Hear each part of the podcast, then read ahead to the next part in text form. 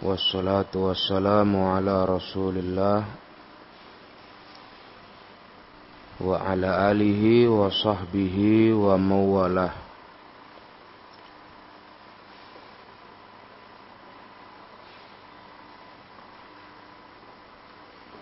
Pelajaran pagi hari ini sampai poin yang ketiga.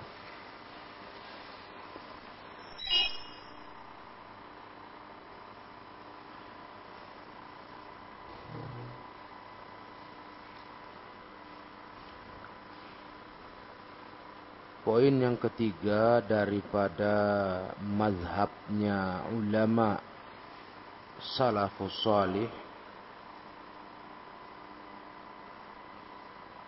wal qadaru khairuhu wa syarruhu minallahi azza wa jalla.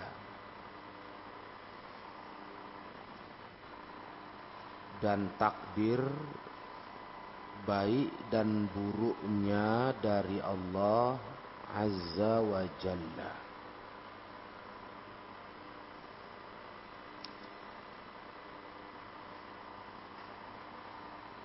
Dalam catatan kaki nomor 4 Qala Allah Ta'ala Allah Ta'ala berfirman Inna kulla syai'in khalaqnahu biqadar.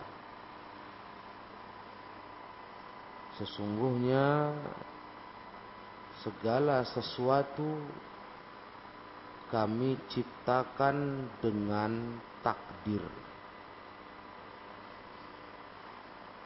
Dengan takdir dengan ketentuan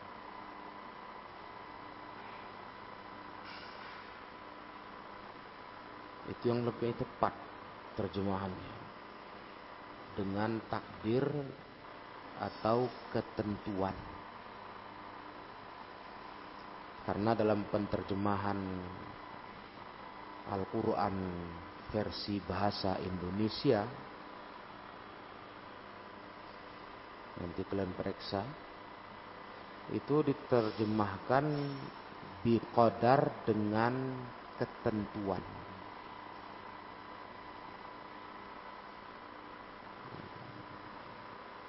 dengan ukuran bukan begitu harus ditekankan masalah takdir. Ya. Diterjemahkan masalah takdir. Segala sesuatu kami ciptakan dengan takdir. Begitu. Jangan dengan ukuran. Ya. Surah Al-Qamar ayat 4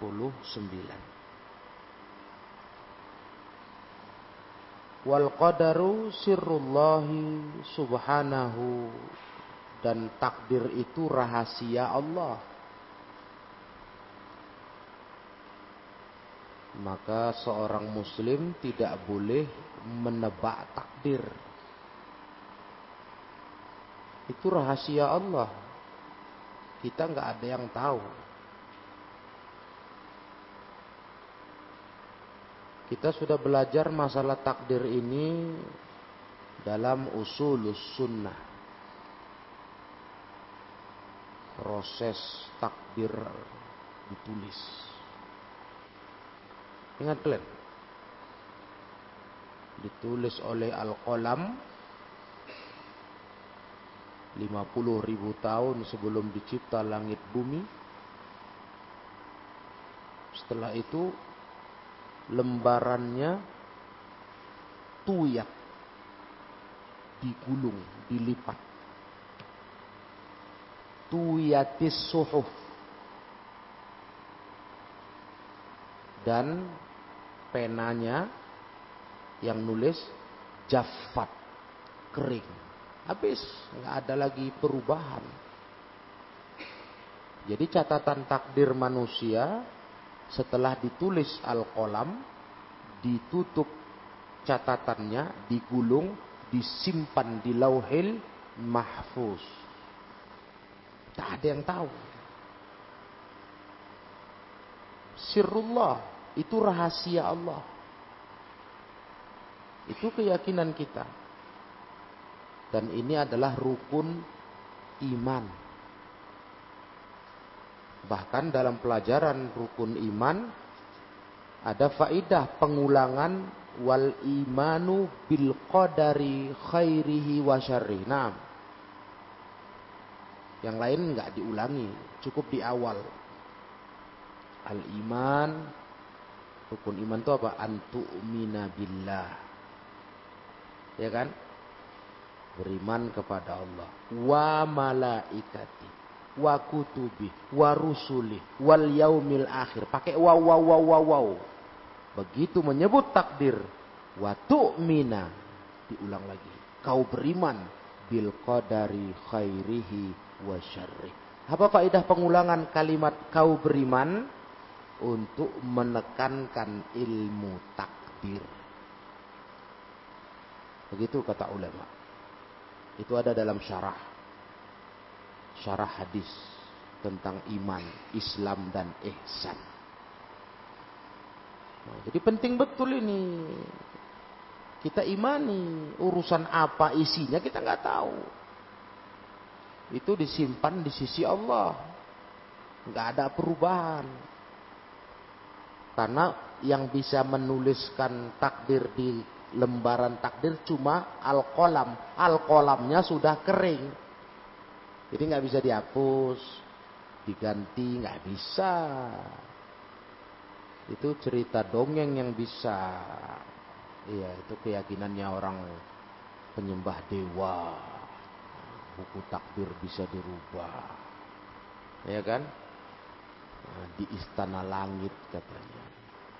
Itu cerita dongeng. Tapi itu keyakinan mereka. Bagi kita dongeng itu ya kan. Walaupun mereka punya keyakinan seperti itu. Penyembah dewa. Itu terkenal dalam uh, ajaran agama Buddha. Penyembah dewa. Jadi mereka membahasakan di langit itu raja langit. Ini bukan akidahnya umat Islam. Akidah umat Islam, takdir itu sudah sempurna. Nah, jadi gimana kita ini? Kayak sahabat pernah tanya ke Nabi, jadi ngapain beramal? Kan udah tercatat semuanya. Asyakiyun am sa'idun. Udah tercatat belum? Kau celaka atau bahagia? Sudah. Daftarmu sudah masuk di sana. Fulan, si Fulan, anak Fulan, orang celaka apa orang bahagia. Sudah masuk daftarnya, sudah ada. Jadi untuk apa beramal? Kan sudah ditulis, tinggal kita jalani saja. Apa kata Nabi waktu sahabat tanya itu? Ingat kalian kan? Hah? Untuk apa beramal? Fafimal amal ya Rasulullah. Untuk apa beramal wahai Rasulullah? Apa jawab Nabi? I'malu. Kalian beramal saja. Jangan pikirkan takdir itu. Itu rahasia Allah. Nah sekarang ditanya dulu sama kalian. Kalian maunya jadi orang apa? Bahagia apa celaka? Pasti bahagia. Nah sudah. Kan kalian berharap itu kan. Karena itu rahasia nggak bisa ditebak yang dicatat itu. Berarti kalian apa? Gak tahu kan? Nah sekarang kalian harapannya apa? Macam orang sakit loh contohnya. Orang sakit tuh kalau berobat. Itu harapannya apa? Sembuh. Padahal takdirnya sudah ada belum? Dia sembuh atau tidak? Ada. Cuma dia tetap berusaha. Gitu. Paham nih? Dia nggak nggak pikirkan takdirku apa, apakah aku mati dengan sakit ini ataukah sehat lagi. Yang penting aku berobat. Itu hidup ini. Jangan pikir takdir itu, imani saja. Nah, percayai saja. Urusan apa di sana dicatat tentang kita, urusan Allah, rahasia. Hmm.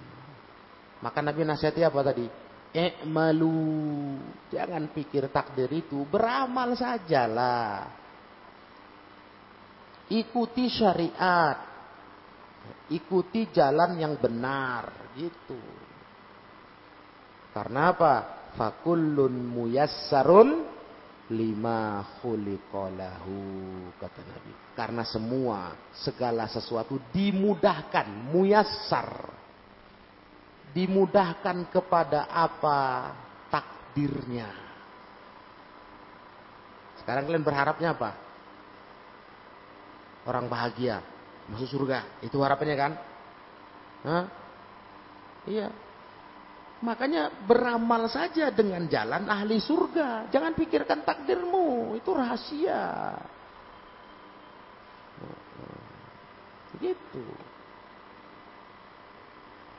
Nah, macam orang sakit tadi. Jangan pikirkan takdirmu setelah sakitnya aku mati apa sembuh. Yang penting orang sakit aturannya apa? Berobat. Ya itu aja. Cerita takdir nanti itu. Kalau apa yang terjadi baru kita bicara takdir. Hmm. Ini ya kan? Berkendaraan. Apa peraturannya berkendaraan? Hati-hati di jalan, ya kan? Jangan ngantuk. Jangan melamun. Ya. Jalan yang bagus. Yang lurus. Jangan zigzag-zigzag. Gitu kan? Nah. Sekarang takdirmu sudah ada belum? Apa yang akan terjadi setelah kamu berkendaraan? Ada belum? Takdirmu sudah ada belum? Ya ada lah. Nah, tapi kan kita nggak tahu. Apakah takdir kita setelah berkendaraan ini kita selamat sampai tujuan atau kita kecelakaan? Kita nggak tahu. Yang pasti kita ikuti aturan berkendaraan, jalan yang bagus. Nah, ternyata selamat sampai rumah, alhamdulillah, takdirku selamat. Gitu. Eh rupanya Allah wa masya'a fa'al kecelakaan baik-baik kamu bawa kendaraan. Kan kamu yang nyala orang ditabrak orang pulang. Ya sudah, berarti takdirku hari ini kecelakaan. Begitu. Nah, jangan berpikir, Allah, udah ada takdir kok. Nah, terus tidur sambil nyupir. Ya mati kau. Nyupir kok tidur. Tidur tuh jangan nyupir. Itu tentu bahaya. Atau sembarangan saja, nggak nengok-nengok mau belok. Cuma dia sama Allah yang tahu kata orang. Ya kan? Tapi ada istilah gitu. Cuma dia sama Allah yang tahu. Orang nggak tahu. Kepengen belok-belok. Ya celaka lah. Kok gitu? Kok rumusanmu kok begitu? Kok sehat? Kenapa berpikirmu? Kayak orang sakit itu. Makanlah obat. Cerita mati rupanya. Ya itulah. Itu takdirnya. Yang pasti kau berusaha. Kau mau sembuh nggak? Itu masalahnya sekarang. Yang kau inginkan apa? Sehat? Sembuh? Iya. Nah, hidup ini begitu. Kau mau masuk surga? Maulah. Mau takdirmu masuk surga? Mau. Maka kata Rasul, i'malu. Beramal saja. Jangan pikirkan takdirku apa. Karena semua segala sesuatu dimudahkan kepada apa yang ditakdirkan. Nah, jadi begitu. Gak ada istilahnya sia-sia beramal, mana ada. Allah tuh adil. Ya, jadi intinya takdir itu cukup diimani ya. Kita bicara takdir, tunggu sudah terjadi. Ah, baru kita bicara takdir. Ah, udah. Ini takdirnya. Jelas semua. Jangan dibayang-bayangkan, dipikir-pikir. Nah, itu nggak akan bisa. Percuma. Itu rahasia Allah. Iya kan? Rahasia Allah. Nah, kalau ada orang berkata kayak mana pelajaran kita yang lalu. Nah, kan nggak salah. Kita bergantung sama takdir. Maksudnya apa? Mau hidup tanpa aturan. Ya penting ikut alur takdir saja alasannya. Jalani saja sesuai takdir. Sampai ada orang bodohnya bilang apa? Hidup ini hanya panggung sandiwara. Panggung sandiwara. Kau pikir sinetron hidup ini? Hah? Film. Karena kita katanya sudah ada jalan cerita yang diatur Allah. Kita tinggal menjalani. Jadi ibarat bersandiwara saja. Astagfirullah. Ini orang bodoh bicara agama. Iya, kau tuh belajar dulu. Baca Quran aja nggak pandi bicara agama. Ikrok dulu. Nah, kelas ikroknya itu. Belepotan baca Quran tak pandi. Kitab sucinya tak pandi bacanya. Kok malah bicara agama. Nah, nah jadi ini ngawur nih. Iya. Betul memang sudah ada ketentuan Allah, tapi itu rahasia. Beda kalau buat sinetron, ada jalan cerita. Makanya pemain sinetron itu dikasih dulu jalan ceritanya sama dia. Kau baca dulu, cocok nggak kau? Hah? Di situ apa peranmu? Oh jadi pemulung, nggak mau nggak? Parnap misalnya. Iya itu dikasih dulu jalan cerita. Dia tahu itu sinetron, drama. Lah kalau takdir mana tahu? Masa disamakan? Nah kalau film ada jalur ceritanya, bukan bisa orang shooting langsung. Enggak, dikasih dulu. Oh pelajari dulu jalan ceritanya, kata penulis skenario. Gitu. Dibacanya. Wah masa awak ganteng-ganteng jadi parnap banget itu. Mungkin pula dia cocok. Ah, nggak apa-apa lah, bayarannya tinggi. Gitu. Itu cerita film. Memang betul ada jalan cerita itu pemainnya hanya tinggal jalanin saja. Tapi takdir bukan begitu. Takdir itu kita nggak tahu. Makanya kita dalam takdir ini disuruh apa? Percaya. Paham tuh? Nah, terus kita berjalannya bagaimana cara berjalan di hidup ini? Ikuti syariat. Nah, itu makanya tadi, kalau ada orang bilang, kita bergantung sama takdir saja. Tanya sama dia, lantas untuk apa diutus para rasul? Untuk apa? Apa tugas para rasul? Mengajari hukum agama. Mengasih tahu halal haram. Untuk apa diutus mereka? Kalau hidup ini yang penting ikuti aja takdir katanya. Nah, untuk apa diutus para rasul? Untuk apa? Jadi kau pikir Allah itu main-main ngutus rasul itu? Bukan satu loh. Rasul itu bukan satu ya kan? yang tercatat aja namanya 25 nabi dan rasul. Itu tercatat yang disebut. Yang nggak disebut banyak lagi. Kau pikir itu main-main, ece-ece itu. Nah, jadi itu takdir itu jangan dipikir apa ya takdirku ya. Ngapain mondok? Rupanya takdirku nanti jadi bekal. Loh, janganlah begitu. Kau tuh berpikir tuh yang yang bagus. Kau berharapnya ya apa? Jadi apa? Hai itulah. Jadi orang soleh, orang berilmu. Kan begitu. Tinggal aturlah dirimu. Kalau kau takut habis mondok jadi begal, jadi pecandu narkoba, ah makanya jaga diri. Habis mondok tuh jangan pergaulannya tidak dijaga nanti pengaruh kawan, rusak, percuma ilmumu. Nah gitu, jaga dirimu. Eh bahaya. Sekarang dunianya rusak, pergaulan, aku nggak mau. Takdirku buruk, aku nggak mau. Aku mau jaga diri, jadi orang soleh. Nah gitulah, kembali usahanya ke dirimu. Nah, sudah paham ya? Yang pasti kita menjalani syariat saja. Itu rahasia Allah soal takdir. Makanya wa man lam yardha bil qada wal qadar, orang yang enggak ridho, enggak terima dengan qada dan qadar. Kalau ada orang enggak terima dengan takdir. Biasanya itu takdir jeleknya itu ya kan? Enggak terima dengan takdir buruk biasanya.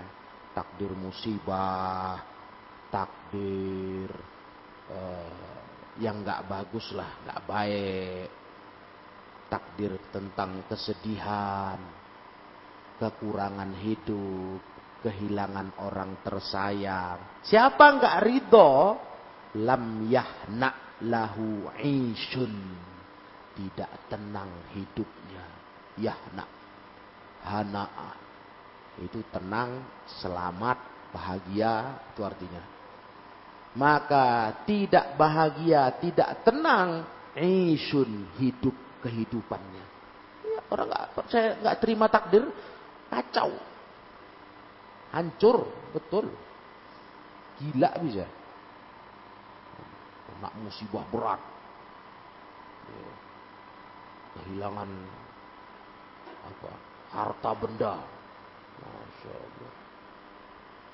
Datang musibah alam, bencana. Wah, ah, habis. Kalau nggak yakin sama takdir, bisa-bisa rusak otaknya. Hah? Hancur dia.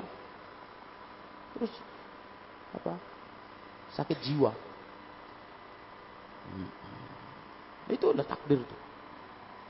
Jadi takdir itu memang tujuannya kita imani selain wajib diimani sebagai syarat seorang mukmin apa tujuannya? Likaila asu ala ma fatakum kata Allah. Supaya kalian jangan putus asa apa yang hilang dari kalian. Jangan putus asa. Kalau udah Allah tentukan sesuatu yang buruk atas kita, itu hak Allah. Jangan putus asa. Jangan protes. Kita ini punya Allah. Dunia ini punya Allah, mau diambilnya, mau dikasihnya, terserah Allah. Paham tuh?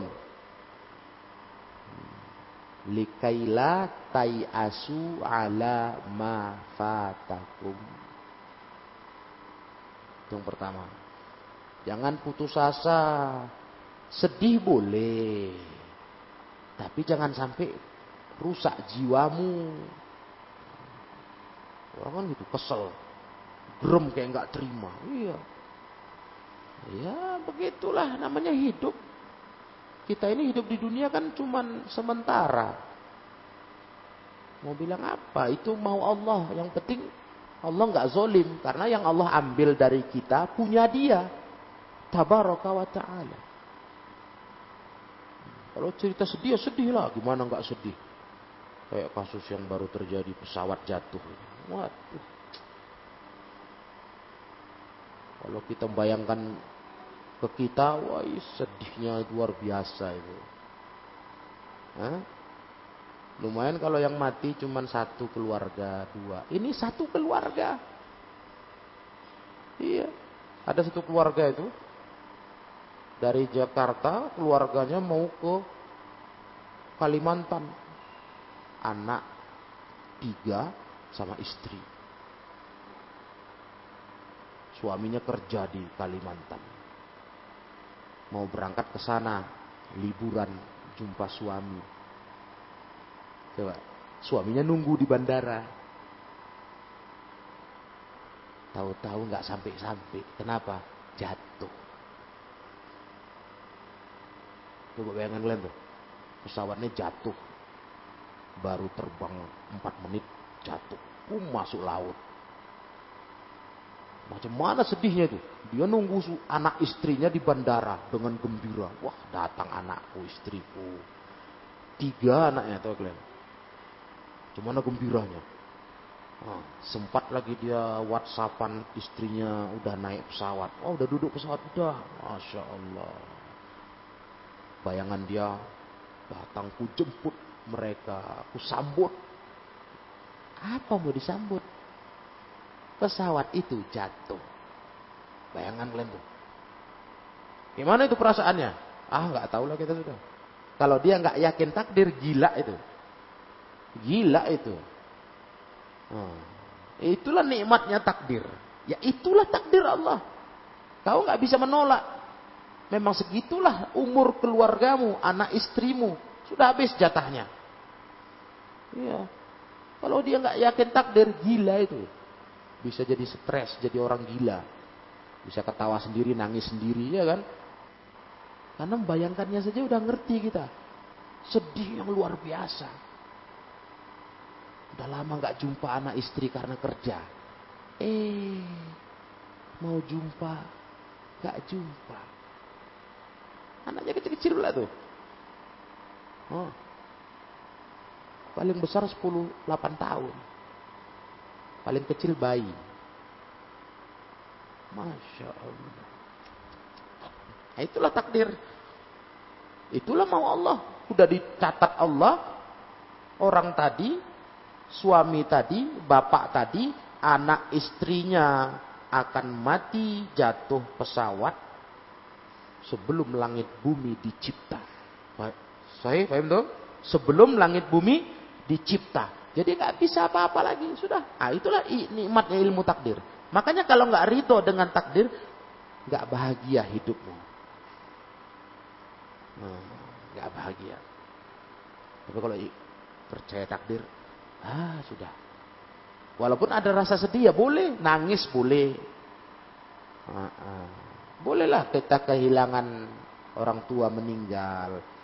Siapa lagi yang kita cintai meninggal. Ya nangis boleh, sedih boleh. Tapi ingat, jangan kau tidak ridho dengan takdir.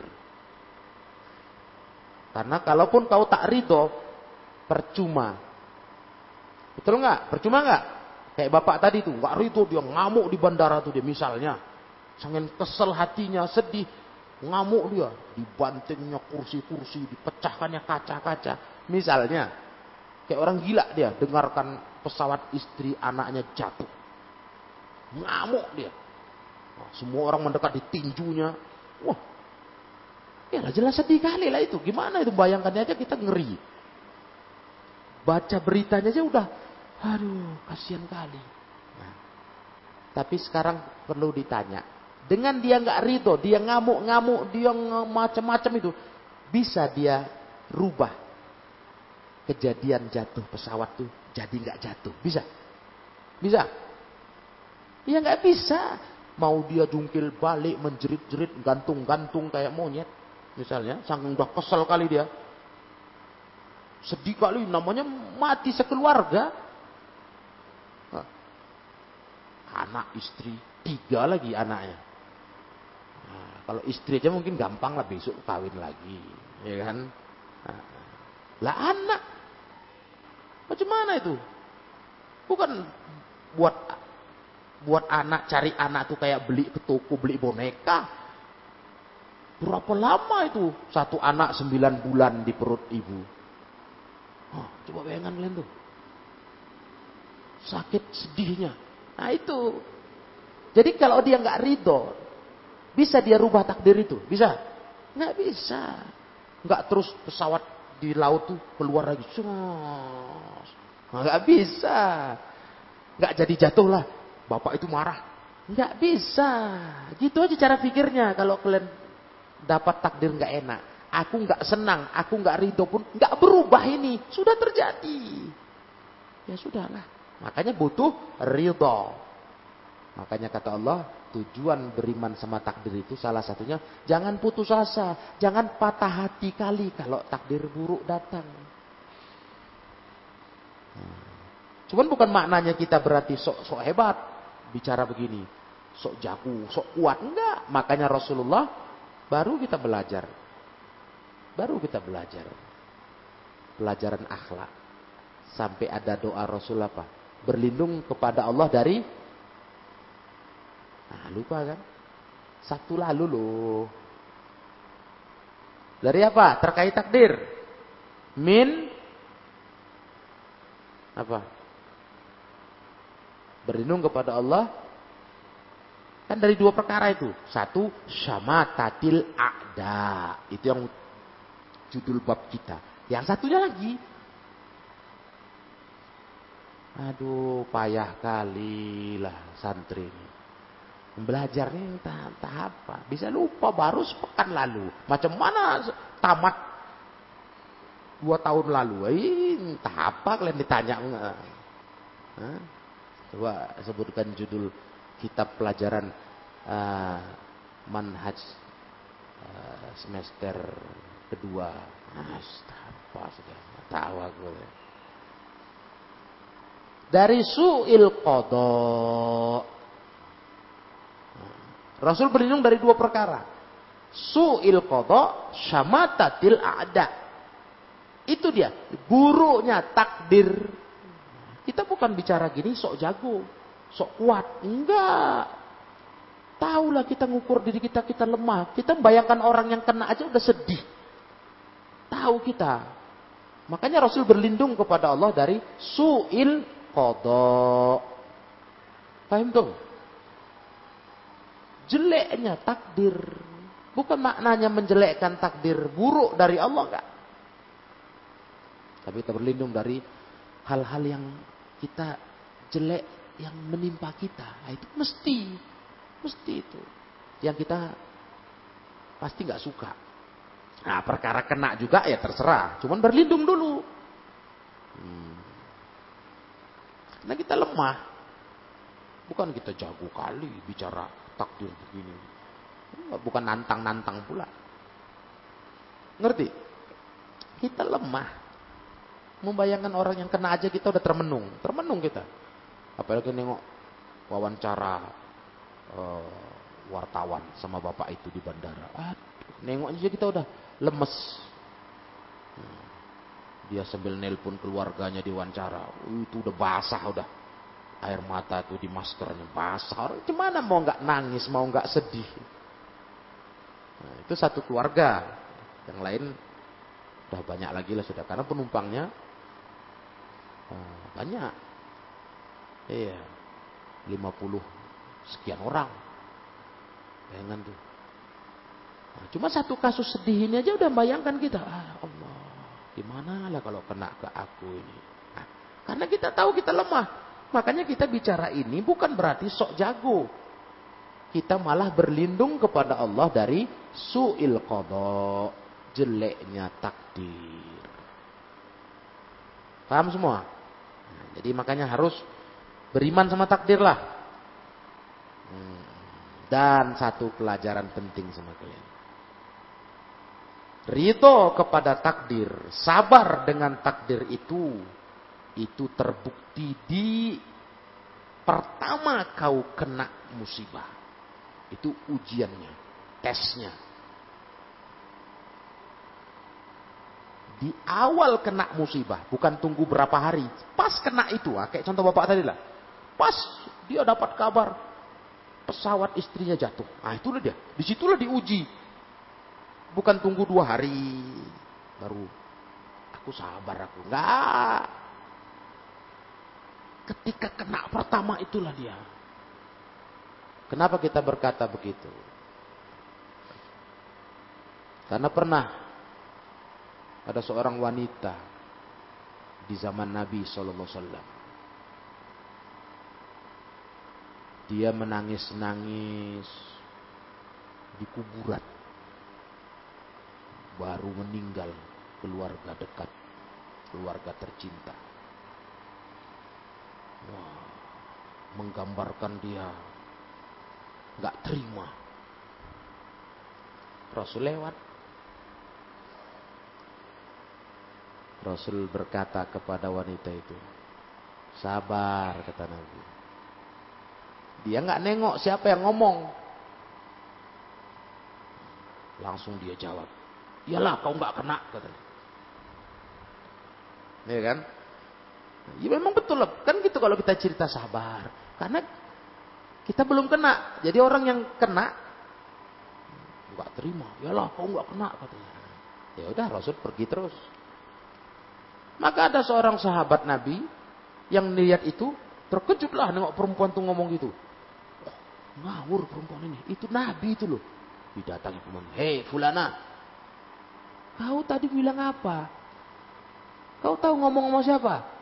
Siapa tadi yang nasihatin kamu? Sabar. Gak tahu kata. Itu Rasulullah. Loncat perempuan langsung. Wah dicari ya Rasul. Nah, begitu jumpa Rasul, Rasul nasihati apa? Innamas sabru inda sadmatil ula. Kata Rasul. Sabar itu diuji Allah ketika awal pertama kau merasakan musibah. Sodemah itu asal katanya benturan. Artinya pertama kejadian. Nah, di situlah teruji kau. Sabar nggak, rito nggak dengan takdir. Paham? Makanya kalau dapat musibah, dapat sesuatu yang menyedihkan, ingat takdir. Kuatkan hatimu. Jangan di situ kau mencak-mencak, kau ngamuk-ngamuk, kau berkalau-kalau. Nggak boleh itu. Kalaulah, jangan naik pesawat dia, nggak usah naik pesawat dia. Kalaulah, kalaulah. Nah, itu kau berarti tidak sabar. Jadi di awal musibah itu diuji ilmu takdirmu. Karena kalau udah berapa hari ya maklum lah, udah reda, istilah udah reda. Sedihnya udah turun. Nah, itu sabar sih maklum. Uh, uh. Iya. Meninggal hari ini orang tercinta. Hari ini ngamuk-ngamuk mulutnya. Wah, wah, wah, tak apa-apa. Nah, udah tiga hari baru bilang, saya sabar saya. Ya iyalah, udah tiga hari. Sedih kau udah berkurang lah. Panik kali kau. Aku sabar aku. Waktu pertama kena kok malah ngomong gak karu-karuan. Kenapa ya Allah gitu-gitu ngamuk-ngamuk gitu. Mengapa kau buat ini terjadi ke keluargaku? Kenapa? Nah. Iya. Terus setan di situ mulai bermain. Awas kalian hati-hati. Lau, lau setan tuh berkalau-kalau kita. Andai kata, andai kata. Gak usah berangkat naik pesawat itu. Naik pesawat yang kedua, yang ketiga, atau lebih cepat lagi jangan pesawat itu. Ah, andai kata, ah, ini kerja setan. Lau taftah amal syaitan kata Rasul. Kalimat kalau-kalau membuka pintu setan. Itu nggak bisa. Kau sesali, kau harapkan nggak terjadi, nggak bisa. Dia sudah terjadi. Jangan berkalau-kalau lagi. Itulah jalan hidup orang-orang yang meninggal dengan musibah pesawat jatuh. Itulah jalan hidup mereka. Takdirnya itu. Hmm. Semuanya tewas. Ya. Itu takdirnya. Jadi jangan dikalau-kalaukan lagi. Kalaulah, kalaulah. Nggak bisa. Itu kerja setan. Dibuatnya kita lama-lama nggak terima takdir. Makanya banyak orang kalau nggak beri nama takdir jahat. Jadinya dia jahat beragama. Kayak orang palak kecewa sama Allah. Ah malas aku jadi orang baik. Kayak gini Allah buat aku. Allah buat aku begini. Allah buat aku uh, susah sedih. Malas aku jadi orang baik. Aku jadi orang jahat. Yang jadi orang jahat rugi itu kau. Kau berubah misalnya. Kau ini orang taat ya. Taat bagus-bagus berat. Eh ditimpa musibah, terus kamu merasa gerem pala, nggak terima sama takdir, berubah jadi orang jahat. Yang rugi siapa? Allah? Enggak lah. Cuma kau satu orang. Sedunia ini pun nggak mau taat, nggak apa-apa, nggak rugi Allah. Apalagi cuma kau sendirian. Kau yang rugi, kau yang akan masuk neraka. Hmm. Jangan sok merajuk istilahnya kan. Kalau tadi kerja bolehlah di perusahaan. Kau rajin. Rajin kali, ya kan? Kau tenaga inti, ahli, ahli apa mesin misalnya. Eh udah baik-baik rajin, ahli mesin, tenaga inti. Terus sama bosmu kau di dirugikan. Dipotong gaji tanpa alasan. Nah, merajuk, cocok. Ah, apa ini? Berhentilah aku kerja. Ah, terus bosnya bingung karena ahli mesinnya berhenti. Nah, itu cocok. Kalau kalau takdir kau merajuk, kau yang rugi. Paham? Kau yang rugi. Allah nggak rugi kita nggak mau taat, kita nggak mau meninggalkan maksiat, nggak rugi Allah. Jadi jangan sampai masuk pintu setan. Jangan berkalau-kalau ya. Jikalau jikalau takdir buruk datang. Jangan berandai-andai. Maka apa yang diajar Nabi? kalau sudah dapat takdir yang buruk terutama Rasul ajari kita apa? Ingat, ucapkan qaddarallahu wa ma fa'al. Ini takdir Allah. Apa yang Allah mau, Allah lakukan. Kalau musibah, baca lagi doa lagi. Allahumma ajurni fi musibati wahlufli khairan minha. Ya Allah kasih aku pahala dalam musibahku. Gantikan untukku yang lebih baik dari musibah ini. Gitu. Pokoknya kalau kena musibah buruk banyak doa, banyak doa, minta pahala. Ucapkan al-istirja. Apa itu istirja? Inna lillahi wa inna ilaihi raji'un. Itu jangan hanya kalian pikir, ah itu ucapan untuk orang mati aja. Bukan. Itu maknanya luar biasa. Sesungguhnya kami milik Allah. Inna lillahi. Kami milik Allah. Wa inna ilaihi raji'un. Kami kepada Allah lah kembali. Punya siapa kita? Allah. Hah? Harta kita, keluarga kita, rumah kita, semuanya, diri kita. Punya Allah. Kapan mau diambilnya? Balik ke dia, terserah Allah. Dah semua ngerti? Ya, jadi inilah pelajaran takdir Makanya penting kali ilmu itu diulang. Kita udah belajar di usul sunnah. Sekarang ketemu di aslus sunnah wa din. Biar kokoh di otak kita ilmu itu. Insya Allah. Enam. Hmm. Ya, jadi satu poin ini kita tambahkan. Untuk pelajaran kita pagi hari ini. Wallahu a'lam bisawab. Subhanakallahumma wa bihamdik asyhadu an la ilaha illa anta astaghfiruka wa atubu ilaik walhamdulillahi rabbil alamin